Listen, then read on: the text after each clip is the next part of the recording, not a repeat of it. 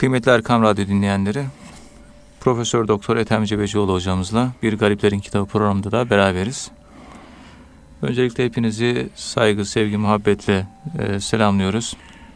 Kıymetli hocamız bize Esat Efendi Hazretlerinin e, hayatını ve menakıbını anlatıyorlar. Kıymetli hocam daha önceki programlarımızda e, Esat Efendi Hazretlerinin hayatından bahsettik. En son bu eserlerinden e, bahsederken bu Risale-i Hadiye e, bahsetmiştik geçen haftaki programımızda. Bu Esad Efendi Hazretleri'nin bu çok küçük hacimli bir eseri ama çok da önemli bir eseri var. E, bu Risale-i Esadiye, bu tarikat adabından bahsettiği bir eser. Çok küçük hacimli olmasına rağmen çok da önemli e, bir eser. Hocam arzu ederseniz e, bu eserinden bahsedebilir misiniz? Evet, teşekkür ederim. Euzubillahimineşşeytanirracim. Bismillahirrahmanirrahim. Elhamdülillahi Rabbil alemin. Ve salatu ve selamu ala Resulina Muhammedin ve ala alihi ve sahbihi ecmain. Efendim, Esat Erbili Hazretlerinin bu kitabı 1924 senesinde basılmış.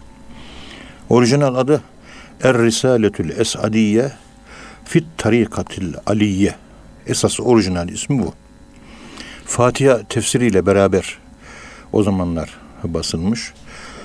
Burada Esad Erbil Hazretlerinin kendi eliyle yazdığı, bizzat kendi otobiyografisi. Ben şunu yaptım, gençliğim böyleydi, atların sırtında nameler dinlerdim. Boş bir gençliğim vardı benim. Sonradan bir yere bağlandım ve bir yere sığındım diyor kendisi. Bizzat onu anlatıyor hayatını.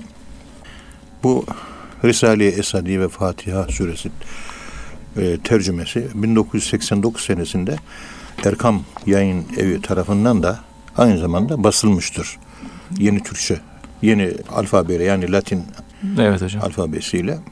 Burada bizzat kendisi kendisini anlattığı için çok orijinal bir anlatım bu. Yani ben buyum diyor. Kendisini anlatıyor. Çok kısa bir bu, e, otobiyografi. Kendi o zamanlar böyle atların sırtında gezerdim diyor. Böyle bir gençlik hevesine kapılmıştım diyor. Yani burada şu var. Jean-Jacques Rousseau Me Confessions İtiraflarım diye bir kitabı var. Fransız ihtilaline katılmış ve orada yaptığı hatalar neyse ben bu şu şu hatalar yaptım diyor. Evet hocam. Ben bu kitapla yarın alemlerin Rabbi olan Allah'ın huzuruna çıkacağım diyor. Me Confessions adlı eserin başında söylüyor bunu. Tebareke suresinin birinci sayfasının sonunda fa'terafu bizzunubihim onlar günahlarını itiraf ederler. Kul Allah'la konuşurken ya Rabbi ben bir zamanlar içki içmiştim.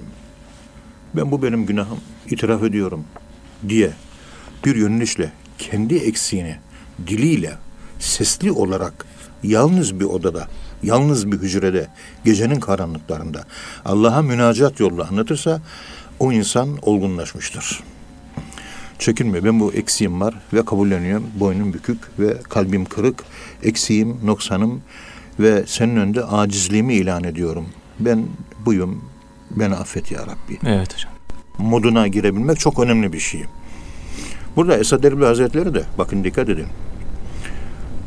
Bu e, anlatımlarında gençlik yıllarında yani bir günahı yok aslında. Ama ilimle değil de biraz böyle şarkı nameleriyle bir atın sırtında gezmek, işte falanca yerde e, bir sohbet toplantılarına katılmak, işte gayesiz bir hayatım var diyor. Gayeli değil diyor. Ne zaman işte Mevlana Halid Bağdadi Hazretlerinin yoluna intisap ettik. Tal Hariri Hazretlerini bulduk. 1875 senesinde kadar kendisine 5 sene müddetle hizmette bulundum. Evet. O zaman ben kendimi bir yere bağlandıktan sonra toparladım diyor. Bütün her insanın hayatında iyi kötü böyle başıboş gezdiği dönemler vardır.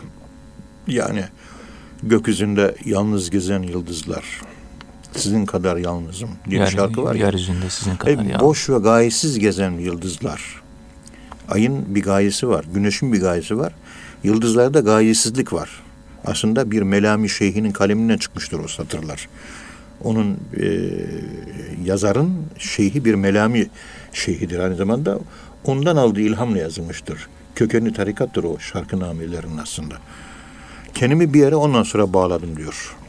Yani işte gökyüzünde ayı takip edebiliyoruz. Güneşi de takip edebiliyoruz ama yıldızları takip etmek mümkün değil. Yani bir e, kontrollü bir hayatım yoktu. Kontrolsüzdü. Peygamberimiz de peygamber olmadan önce işte ve vecedeke dallen feheda bir arayış halindeydin. Bir boşluktaydın. Allah seni tuttu, kendisine bağladı, hidayete erdirdi, doğru yol gösterdi. Peygamberimizin fevecedeke dallen feheda cümlesi ve Duha suresinde anlatıldığı gibi aynı şekilde her insanda bir arayış dönemi diyelim buna. Yanlışlık dönemi değil de Evet. arayış, aradığını bulamama ve arama. Çünkü herkes aramayanlar da aslında arayış halindedir diyor. Profesör Henry Bergson o imajinatif kre- kreasyon adlı eserinde Necip Fazıl Kısaküre'nin Sorbon'da hocası o da öyle söylüyor. Her insan arayış halindedir. Niçin arayış halindedir? Çünkü her insan mükemmelin peşindedir ve güzelin peşindedir. Evet. Çirkinin ve mükemmel olmayanın peşinde bir tane adam bulamazsınız. Birilerinin peşinden gidiyorsa onda güzellik vardır, mükemmellik vardır. Tıpkı o pervane sineklerinin o e, yanmakta olan lambanın etrafında dönmesi gibi. Karanlıklarda bulamazsınız onu. Aydınlıklarda bulunursunuz. Mükemmelliklerde vardır. İşte o, o tarikat yoluna girdikten sonra orada artık eskiden güzeli gören gözler artık güzel görmeye başladı. Güzel görmek ayrı bir olay, güzeli görmek ayrı bir olay. Evet. Biz güzel görmeye başladık. Güzel, güzeli görmek demek bakışta merkezi obje yapmak. Yani ben dışarıdaki güzelliğin aslı bende mevcut. Ben Allah'tan geldim. Ben merkezimi ortaya koyarak onun üzerinden güzelliği tanımlamak yerine şimdiye kadar objeyi sübje değil, objeyi merkez alarak güzelliğe öyle bakıyordum. Bu şuna benziyor. Tabii bu açıklamaları ben ihtiyaç duyduğum için yapmak zorundayım. Buyurun hocam. Ee, affınıza sığınarak yapıyorum. Estağfurullah. Buyurun. İşte o meşhur Ahi Evran o Allah dostuyla karşılaşıyor. Şemsettin Tebrizi ile. Bir leğene su koymuş. Leğenin içindeki aynaya bakıyor. Şeye bakıyor, aya bakıyor. Ne yapıyorsun diyor. Aya bakıyorum diyor. Yani güzelliğe bakıyorum. Şemsettin Tebrizi diyor ki ona sen diyor şu anda diyor ensende bir çıban var mı diyor. Yok diyor. Yani ensende bir hastalık yoksa başını kaldırabilirsin. Aynaya bakıp bir aynadan güzelliği görene kadar başını kaldırıp güzelliğe direkt baksana diyor. Objenin üzerinden değil, objeyi değil. Bizzat kendi içindeki aya bak. Dışarıdaki ay ayrı, içimizdeki ay ayrı. Aslında ki o aya bakmak o bir Allah'ın ayeti içerideki ayı gösteriyor. içerideki ışığı gösteriyor.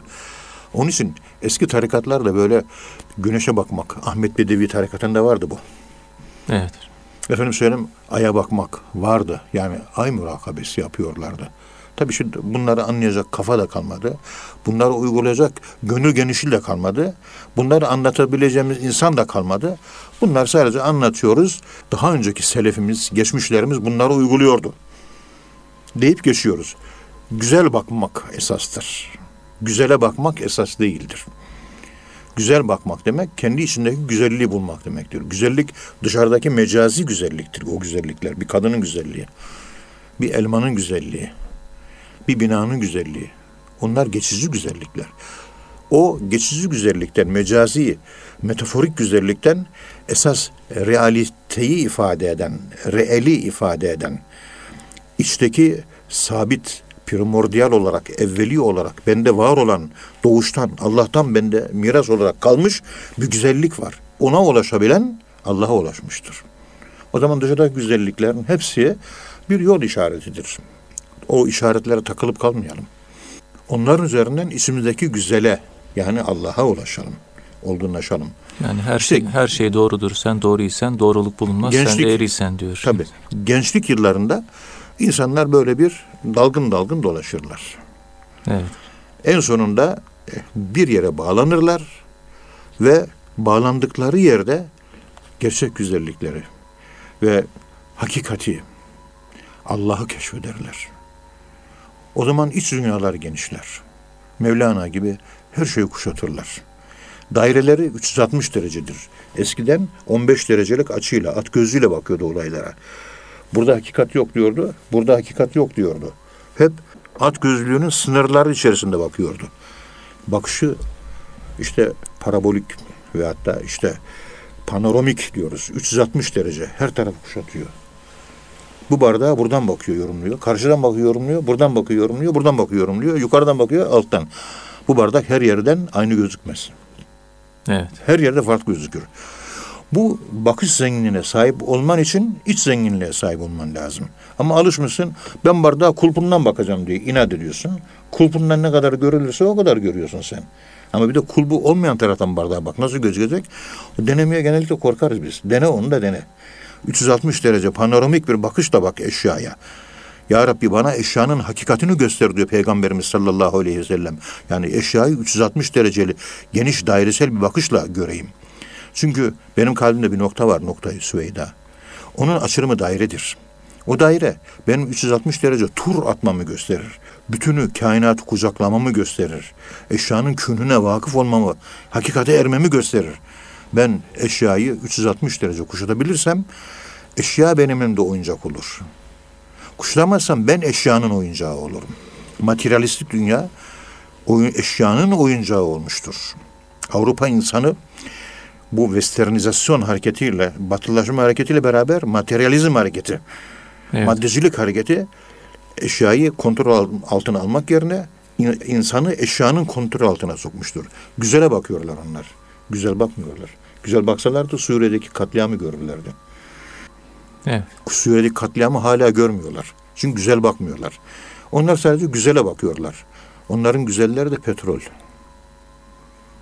Do you understand me? Maalesef böyle.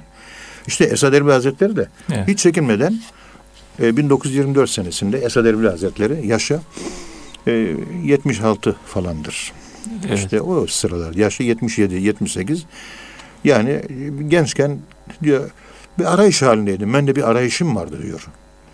Ama arayışı fazla sürmemiş. Hemen 17 18 çok küçük bir yaşta Genç e, yaşlarda. genç yaşlarda yine daha çocuk denebilecek yaşta preadolesans döneminde Tahal Hariri Hazretlerini bulmuş. Evet. Elhamdülillah. Tahal Hariri Hazretlerine beş sene hizmet ettim. O vefat ettikten sonra onun emirleri gereği tarikatı Aliye'yi Nakşibendiye'ye intisap ettim diyor. Ve kendisi bu e, yazmış olduğu Risale-i Esadiye adlı eserde önce tarikat nedir diyor onu anlatıyor. Tarikat Mevlana'nın bir sözü vardır.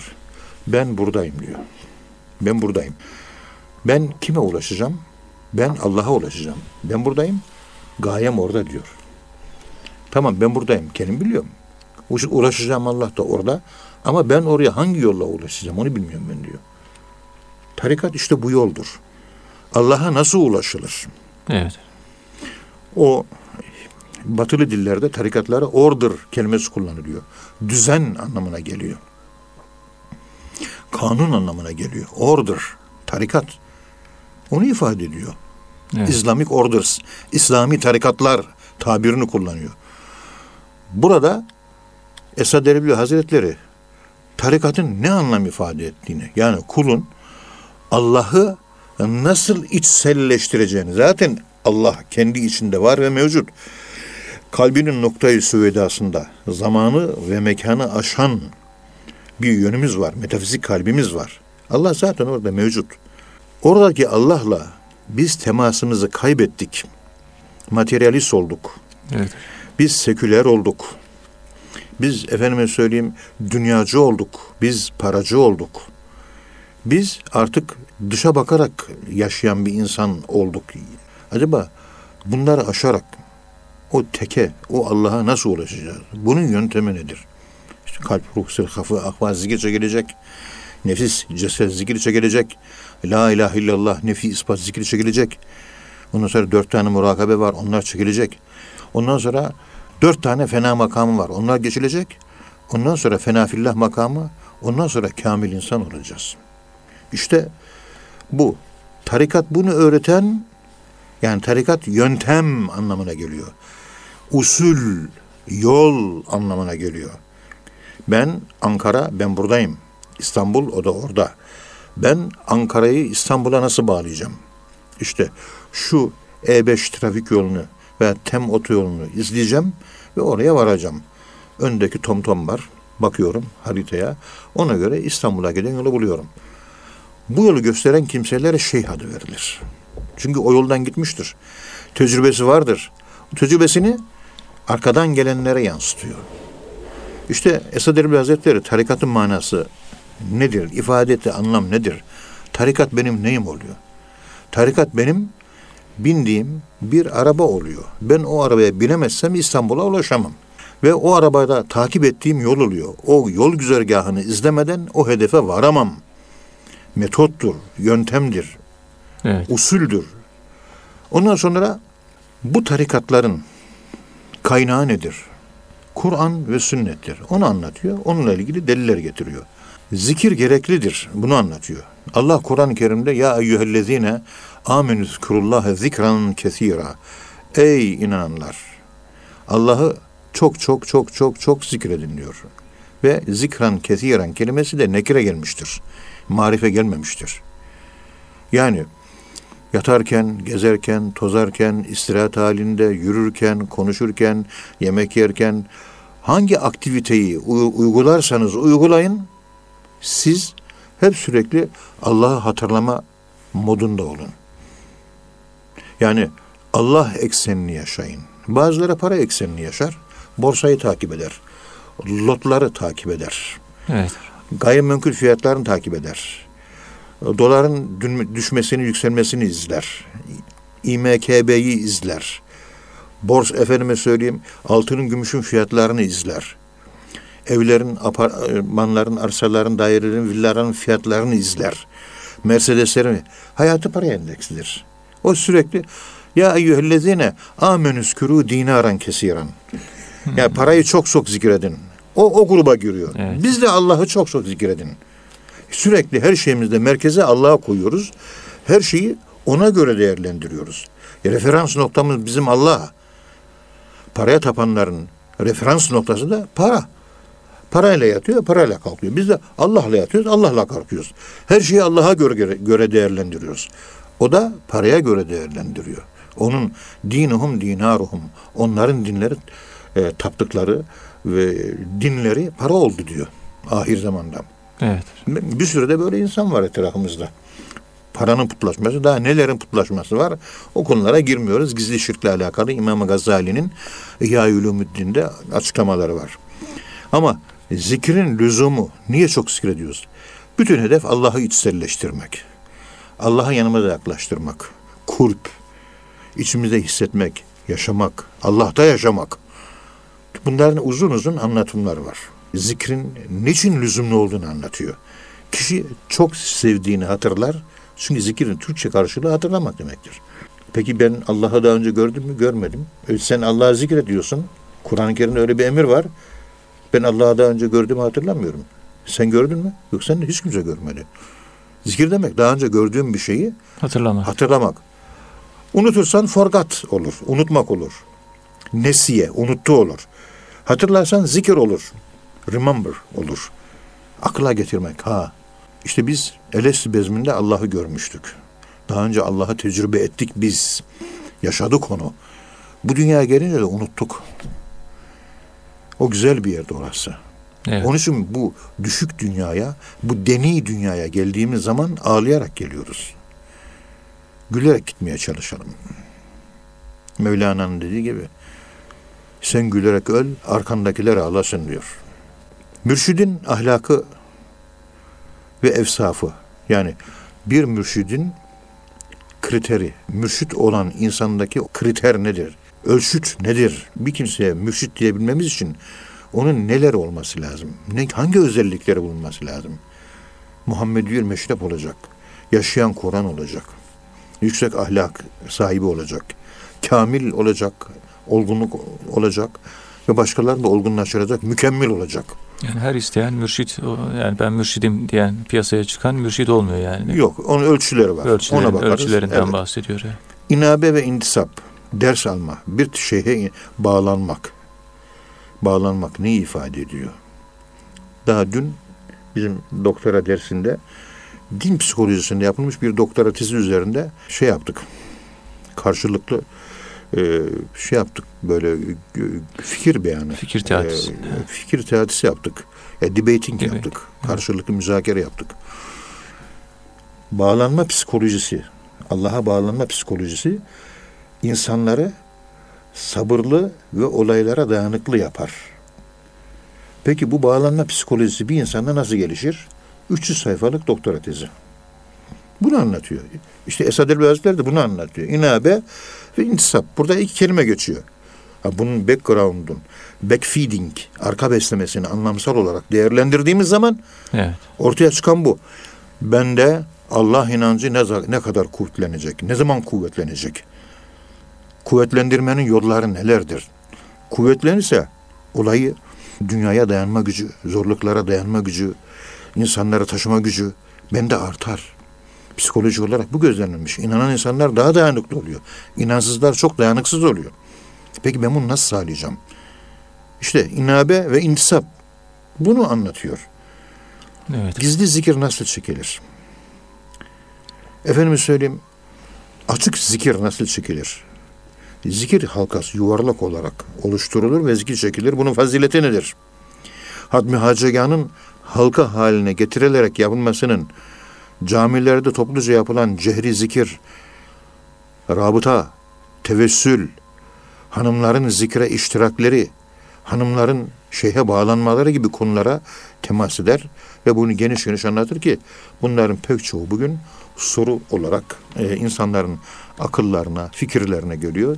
Muhterem Osman Nuri Topaş hocamızın da Müslümanın kendisiyle imtihanında tasavvuf adlı başında da kadle efleha men tezekka ayet kelimesini koymuş Osman hocamız. Bu gibi konuları genellikle çok sorulan sorular üzerinde çok güzel e, anlaşılabilir, izah edilebilir. Bugünkü insanların anlayış seviyesine uygun çok güzel bir eser var. Dinleyicilerimize özellikle bunları tavsiye ederiz.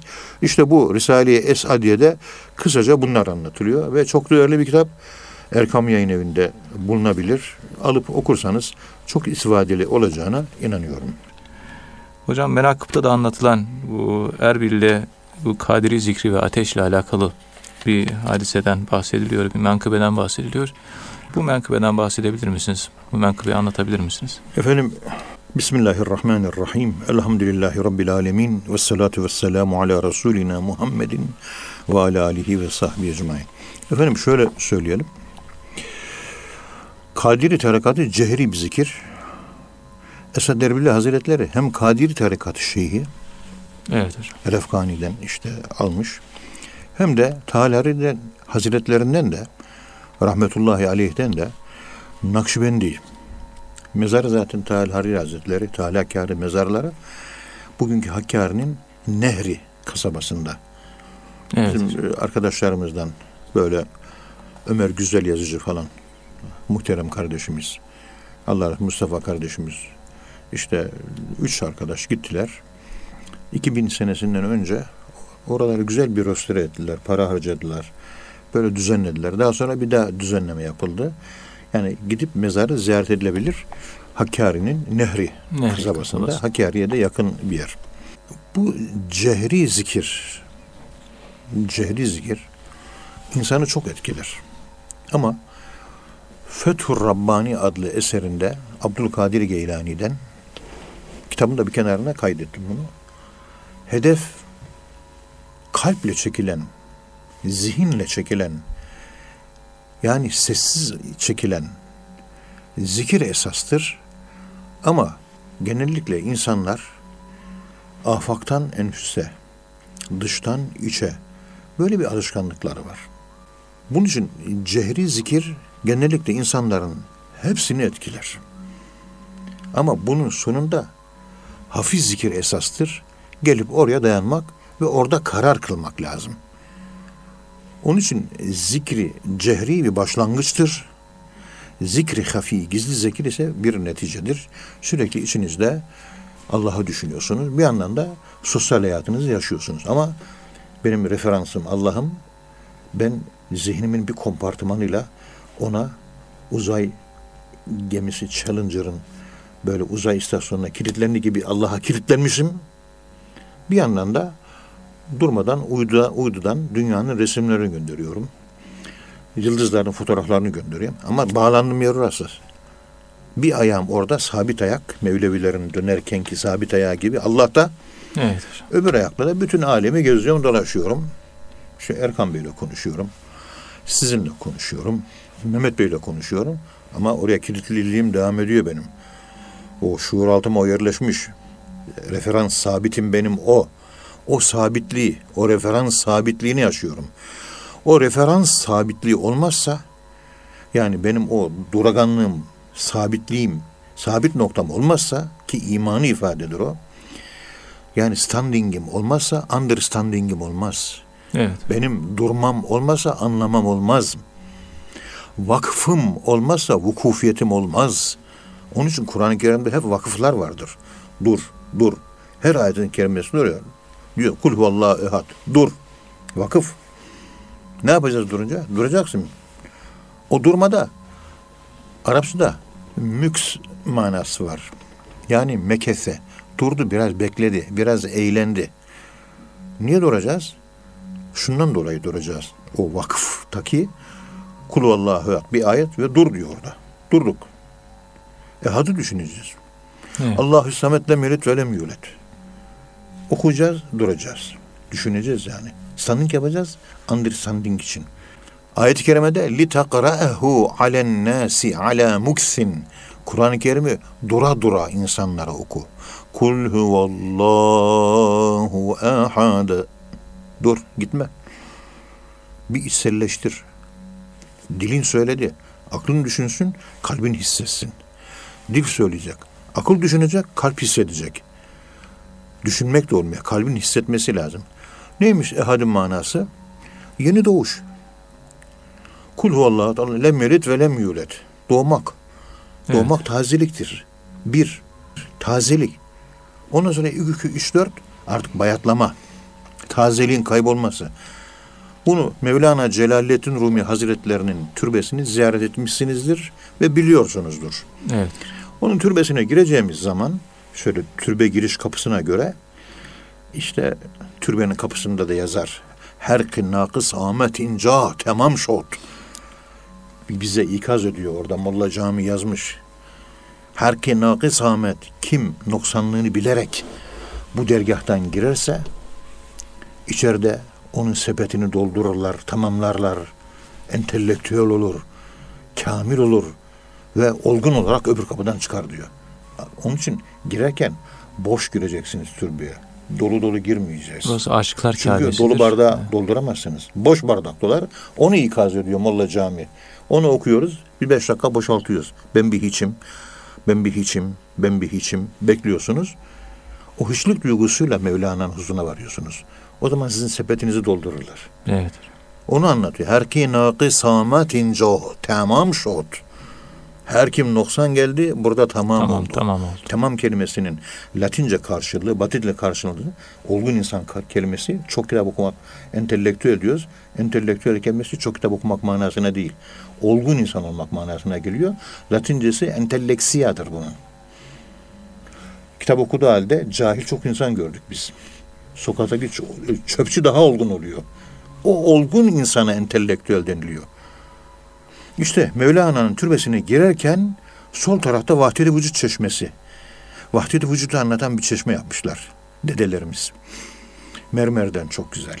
Evet. Böyle yerin derinliklerinden sanki bir kaynaktan, bir kayadan artık bir kaynaktan bir su akıyor. Bir kase var. Mermerden bir kase. Onun üzerine akıyor. O su doluyor, altında iki kase var. O doluyor, altında üç kase var. Teklikten, vahdetten kesrete doğru açılım ifade ediyor. Ondan sonra onun altında iki tane mermerden kase var. Onun en altında bir tane mermerden. O da boşalıyor, geldiği yere toprağa gidiyor. Bu çokluk kesretin vahdetle, Vahdetle o kilit taşında birleşmesi çok önemli. En tepede. Özellikle bir, Selçuklu tarzı. Evet. Evet. Şimdi orada gördüğümüze göre birden geldi, birden bitiyor. O yeni geldiği yer bir. İnna lillah Allah'a aitiz ve inna ileyhi raciun ve ona döneceğiz. Birden geldik, bire döneceğiz. Bu. Ama birde ne sırrı var? Doğuş sırrı. Doğuş tazelik. Yeni doğan bir tay. Çok güzel gözükür. Yaşlandıkça artık gözümüze güzel gözükmez. Mudn Arabi Fusus İlkem'de bunu şöyle anlatıyor. Peygamberimiz sallallahu aleyhi ve sellem Efendimiz yağmur yağdığı zaman yağmurun altına dururdu. Başındaki sarığı çıkarırdı. Sükunette beklerdi diyor. Yağmur üzerine yağardı diyor. Niye böyle yapıyorsunuz ya Resulallah dediklerinde Peygamberimiz tevhide ve tazeliğe ve tazelenmeye ve birle birlenmeye işaret etmek üzere bu yağmur damlaları Allah'tan yeni emir almışlar. Bu yeni yağan bu yağmurun damlalarında Allah tazeliği var diyor. Evet. Geldik gel, gel- geldikleri yerin tazeliği var. Onu duyuyorum diyor. Onu içselleştirmeye çalışıyor. Onun için diyor Mudin Arabi bu hadis-i şerife göre her şeyin Allah'tan yeni gelmiş, yeni doğmuşlar. Küçükleri, kedi yavrusu çok güzeldir. Köpek yavrusu çok güzeldir. Büyünce öyle güzel olmuyor. Çünkü kesrete, bulanmaya başlıyor artık. İşte o bir tazelenmeyi ifade ediyor. Bire gittikçe la ilahe illallah dedikçe ceddidu imanüküm bi kavli la ilahe illallah tevhid kelimesini birleme kelimesini siz tekrar edikçe imanınız tazelenir, imanınız yenilenir. Evet hocam. Anlatılan bu. İşte bu siz e, zikir çekerken aslında bire gidiyorsunuz. Yani tazeleniyorsunuz. La ilahe illallah derken tazeliğe yani birle Allah'la temasa geçiyoruz. Allah'ı hisselleştiriyoruz. Zikirden sonra yüzlerimiz pırıl pırıl olur. Elimiz yüzümüz nurlanır. Kadiri zikrinde de Esad Erbil Hazretleri diyor ki biz Irak'ta Erbil'de diyor Kadiri zikri çektirirdik diyor. Evet. Karlvet'in hatıratında sayfa 163'te oradan alıntı yapmışız. Avrupa'dan gelen Karlvet te- tekkede duyduklarını, gördüklerini yazıyor.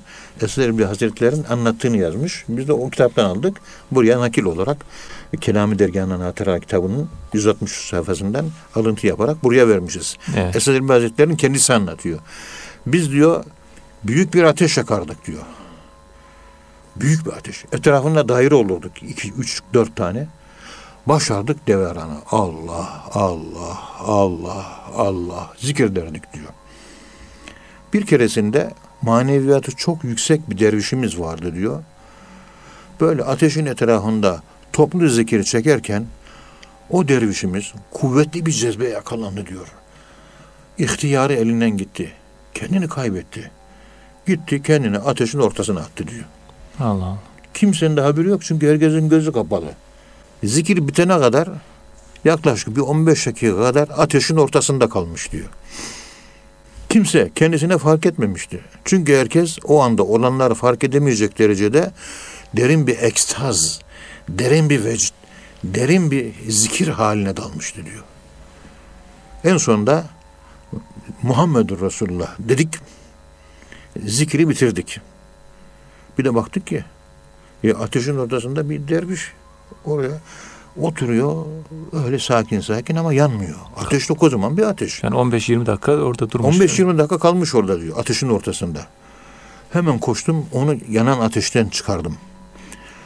Kendisinde ve elbisesinde en ufak bir yanma ve yaralanma yoktu. Elbiselerinin ipliği bile yanmamıştı diyor.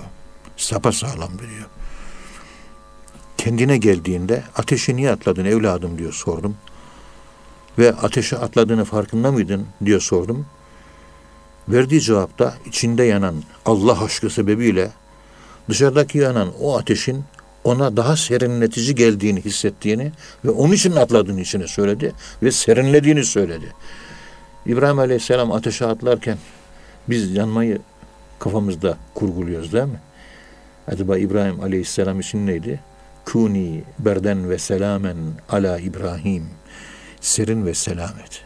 Evet. Demek ki vahdet sırrıdır bu. Ateşe atılırken serinlik, huzur, rahat, başına bela görüyor. Rahatlayacaksın. Çünkü diyor ki Mevlana, Başına bela geliyor, üzüntü geliyor, sıkıntı geliyor. Yani diken geliyor. Diken geliyorsa sevin diyor. Diken geliyorsa garanti arkadan gül de gelecek demektir diyor. Ama bela gelmiyorsa, diken gelmiyorsa gül de yok diyor. Onu anlatıyor. Evet. Belalara sabredebilmek. Yani içindeki manevi ateşi dışındaki maddi ateşle soğutmak için kendisini ateş korunun içerisine atmış ve yanmamıştı diyor.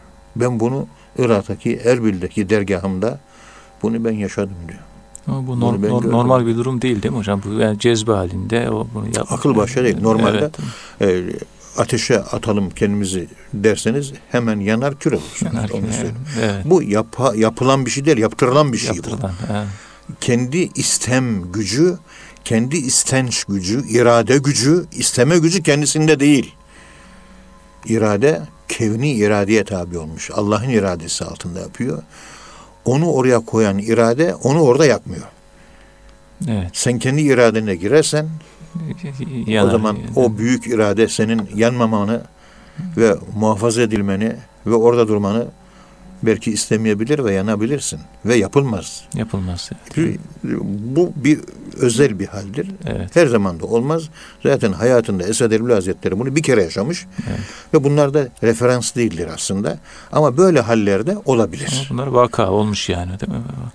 İşte onun için bu ateşle olan Evet. Bir e, Esad Erbil Hazretleri'nin aslında bana göre ateşle bir imtihanı var biliyorsunuz. Evet. Hayatını kaybetmiştir. Tabii. Ateş diye şiir yazmıştır. Acaba bu ateş şiirini yazmasındaki saik ve ateşle imtihanı bu Musul'da pardon Erbil'de zikir çekerken ortaya büyük bir ateş yakıyor. Büyük bir halka kuruyor. Zikir çektiriyor. Ta o Kadiri zikrini yaparken orada ortaya yakmış olduğu İbrahim ateşi inden kaynaklanan bir etkiyle mi ateş şiirini yazdı acaba? Gül ateş, gülzar ateş, kefen ateş değil mi? Evet. 23 tane ateş kelimesi geçiyor. Peygamberimizin peygamberliği de 23 sene. Çile. Ateş yerinin manası bu olsa gerek. Ateşle yanan, ateşle rahat bulsa gerek. Bismillahi. Evet. Yani ateş deyip geçinmek lazım. Ateş var, ateş var. Size bana ateşten haber ver. Kimisi para aşkıyla yanıyor, kimisi Allah aşkıyla yanıyor. Allahu Teala hepimizi Allah aşkıyla yananlardan eylesin. Bunlar büyük dersler. Evet. Ee, biz buraları fazla okuyamıyoruz. Okuyabildiğimizde bu kadar görüyorsunuz. Hocam teşekkür ediyoruz. Kıymetli Erkam Radyo dinleyenleri, e, kıymetli hocamıza e, teşekkür ediyoruz. Bir Gariplerin Kitabı programında sonuna geldik. E, hepinizi Allah'a emanet ediyoruz. Programın arşiv kayıtlarını Erkam Radyo'nun web sitesinden e, dinleyebilirsiniz. E, hepinizi Allah'a emanet ediyoruz. Hoşçakalın efendim.